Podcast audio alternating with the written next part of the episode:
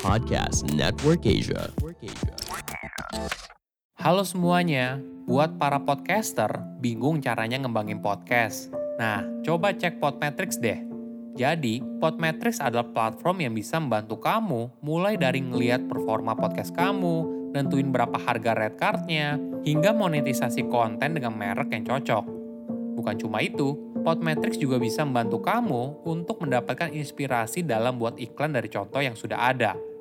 Yang paling terbaru, Podmetrics juga punya fitur Pod Earnings dengan berbagai metode pembayaran. Jadi, memudahkan banget untuk mendapatkan penghasilan dari Podmetrics. Tunggu apa lagi? Yuk daftar Podmetrics, masukkan kode referralnya melalui link yang ada di deskripsi ya. Sukses itu muncul ketika kesempatan bertemu dengan persiapan. Halo semuanya, nama saya Michael. Selamat datang di podcast saya, Sikutu Buku. Kali ini saya akan bahas kisah inspiratif dari Marcel Widianto, seorang komika sukses yang sedang naik daun. Bayarannya cukup besar untuk penampilan selama 15 menit, dirinya biasa dibayar 30 juta rupiah. Sebelum berada di posisi sekarang, Marcel memulainya dari bawah, dirinya pernah menjadi penonton bayaran di televisi, bahkan untuk pergi ke lokasi syuting, dia mengamen untuk menghindari ongkos saat naik kendaraan umum. Masa pahit kehidupannya di masa lalu sering dijadikan materi komedi yang buatnya populer. Sebelum kita mulai, buat kalian yang mau support podcast ini agar terus berkarya, caranya gampang banget. Kalian cukup klik follow. Dukungan kalian membantu banget supaya kita bisa rutin posting dan bersama-sama belajar di podcast ini.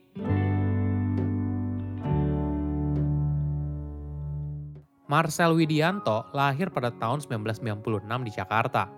Dirinya berasal dari keluarga yang sederhana. Ibunya pernah jadi pemulung untuk membantu ekonomi keluarga. Pada masa sulitnya, Marcel bercerita kalau dia tinggal di rumah petakan dan hanya mampu makan satu mie instan yang dibagi dengan ketiga adiknya dan kedua orang tuanya. Ayahnya dan adik-adiknya mendapat bagian mie, ibunya mendapat bagian kuning telur, dan dirinya mendapat bagian busa putih telur saat airnya mendidih di panci. Saat masih kecil, Marcel bercerita kalau dirinya tidak sengaja menjadi kurir narkoba. Momen itu terjadi ketika dirinya berusia lima tahun. Marcel mengaku dirinya merupakan korban para penjual narkoba. Modusnya seperti ini, para penjual narkoba meminta anak kecil untuk mengantar bedak buat main karambol, padahal barang itu adalah sabu. Anak kecil itu lalu diiming-imingi hadiah Marcel mengaku dirinya sempat diberikan Tamiya setelah tiga kali pengiriman. Marcel baru sadar kalau dirinya dimanfaatkan oleh penjual narkoba saat usianya 13 tahun. Selama hidupnya, dia pernah menjalani pekerjaan yang beragam. Marcel bercerita, dia menjadi ojek bagi para wanita penghibur. Jadi, Marcel bertugas untuk menjemput wanita tersebut dari tempat kos ke sebuah klub. Lalu ketika jam 3 pagi, mengantarnya pulang. Selain itu, Marcel juga pernah menjadi debt collector dan penjual minyak kayu putih palsu.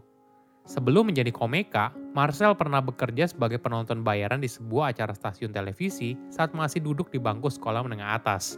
Ternyata, menjadi penonton bayaran juga tidak mudah, perlu perjuangan yang berat. Ada suka dukanya selama dia menjalani profesi tersebut. Marcel bercerita, dia harus sudah ada di studio sejak jam 5.30 untuk acara pagi. Apabila tidak absen, maka dia tidak akan dibayar. Selain itu, penampilannya tidak boleh kucel dan harus tetap semangat. Marcel bercerita, sebagai penonton bayaran itu ada klasifikasinya. Untuk di bagian paling depan, biasanya dipilih yang ganteng dan cantik dibayar Rp150.000. Sedangkan di bagian tengah, dibayar Rp50.000. Dan Marcel berada di paling belakang. Dia mendapatkan bayaran Rp19.000 setelah dipotong biaya agensi untuk 6 jam syuting.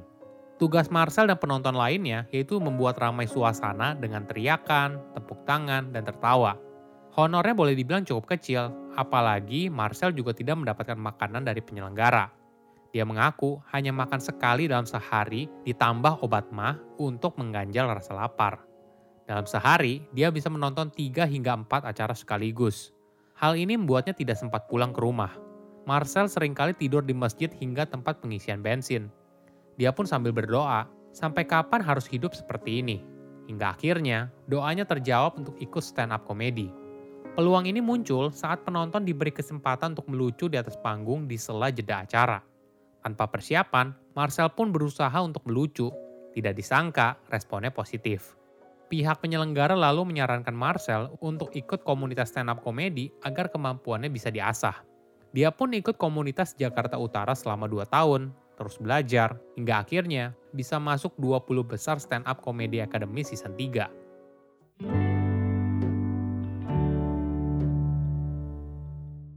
Perjalanan karir Marcel pun berlanjut. Saat itu, dirinya menjadi asisten dari seorang komika bernama Ajis Doa Ibu. Bagi Marcel, Ajis merupakan pembuka jalan karirnya di dunia hiburan. Beberapa pekerjaan syuting yang awalnya dijalani oleh Ajis, ternyata pekerjaan itu sekarang dijalani oleh Marcel. Dia mengaku karena dirinya lucu, namun harganya lebih terjangkau dari Ajis. Ada sebuah momen yang membuat karirnya melejit. Momen itu terjadi saat dirinya tampil di program Wow Banget yang dipandu oleh Atta Halilintar. Marcel diminta untuk merosting Wijaya Saputra atau dikenal dengan nama Wijin yang merupakan kekasih Gisel. Saat itu tanpa persiapan, dirinya spontan saja menggunakan materi yang ada di kepalanya. Ternyata roastingnya lucu. Marcel langsung kebanjiran tawaran pekerjaan, diundang ke OVJ, dan sebagainya. Dari situ, banyak orang mulai mengenal Marcel sebagai komika yang lucu. Padahal sebelumnya, dia pernah main film, menjadi finalis di Stand Up Comedy Academy, namun belum booming. Marcel boleh dibilang merupakan salah satu komika sukses masa kini. Dalam waktu lima tahun, dirinya kini berhasil membeli rumah dan mobil. Ini merupakan buah manis berkat kerja keras dan doa yang selama ini dijalani. Marcel bercerita soal perjuangan kerasnya yang penuh tantangan berkarir. Dia merasakan banyak hal seperti diremehkan orang, hingga waktu tidur yang tak menentu demi mengejar impian. Motivasi utamanya dalam bekerja adalah keluarga. Marcel ingin menaikkan taraf ekonomi keluarganya. Bagi Marcel, dirinya bisa sukses kuncinya adalah ikhlas. Ikhlas dalam menjalani semua yang ada di dalam hidup. Dia mencontohkan, dalam stand up komedi, sebelum buat materi, ada yang namanya premis. Premis itu berasal dari keresahan. Ketika kita bisa jujur dengan keresahan yang kita hadapi, maka hasilnya pasti akan baik. Dalam membawakan materi komedi, Marcel tentu saja harus berhati-hati agar tidak menyinggung perasaan orang lain. Ini yang selalu dilakukannya.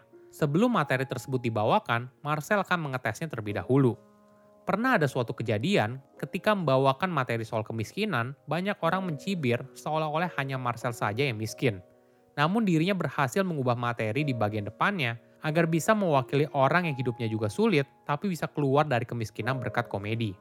Hal inilah yang membuat Marcel dikenal sebagai komika yang sering menertawakan kemiskinan dan fisiknya sendiri.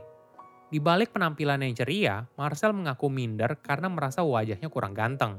Bahkan, dia mengaku tidak masalah apabila pasangannya kelak hanya melihat dia dari segi materi saja.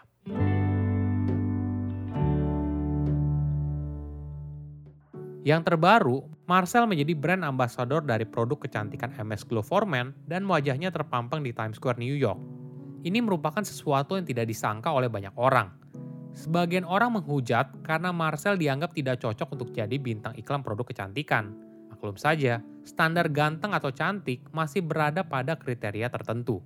Namun banyak juga yang mengapresiasi karena bagi MS Glow sendiri, ini merupakan bagian dari kampanye agar masyarakat menjadi percaya diri, lebih bersyukur, dan menjadi diri sendiri. Marcel sangat bahagia atas kesempatan tersebut. Dia ingin membuktikan kalau mimpi bisa diwujudkan dan tidak tenggelam karena masa lalunya yang kelam. Kini, Marcel juga menciptakan wadah bagi anak yang nasibnya seperti dirinya dulu, anak jalanan dan sebagainya. Wadah itu diberi nama KKB, kanan kiri berkah.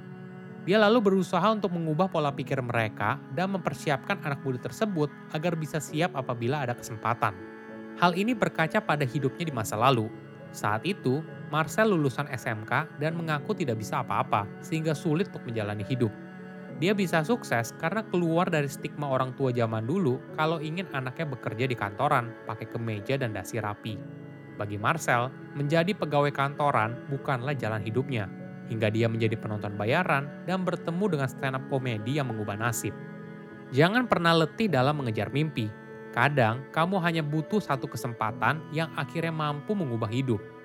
Saya undur diri, jangan lupa follow podcast Sikutu Buku. Bye-bye.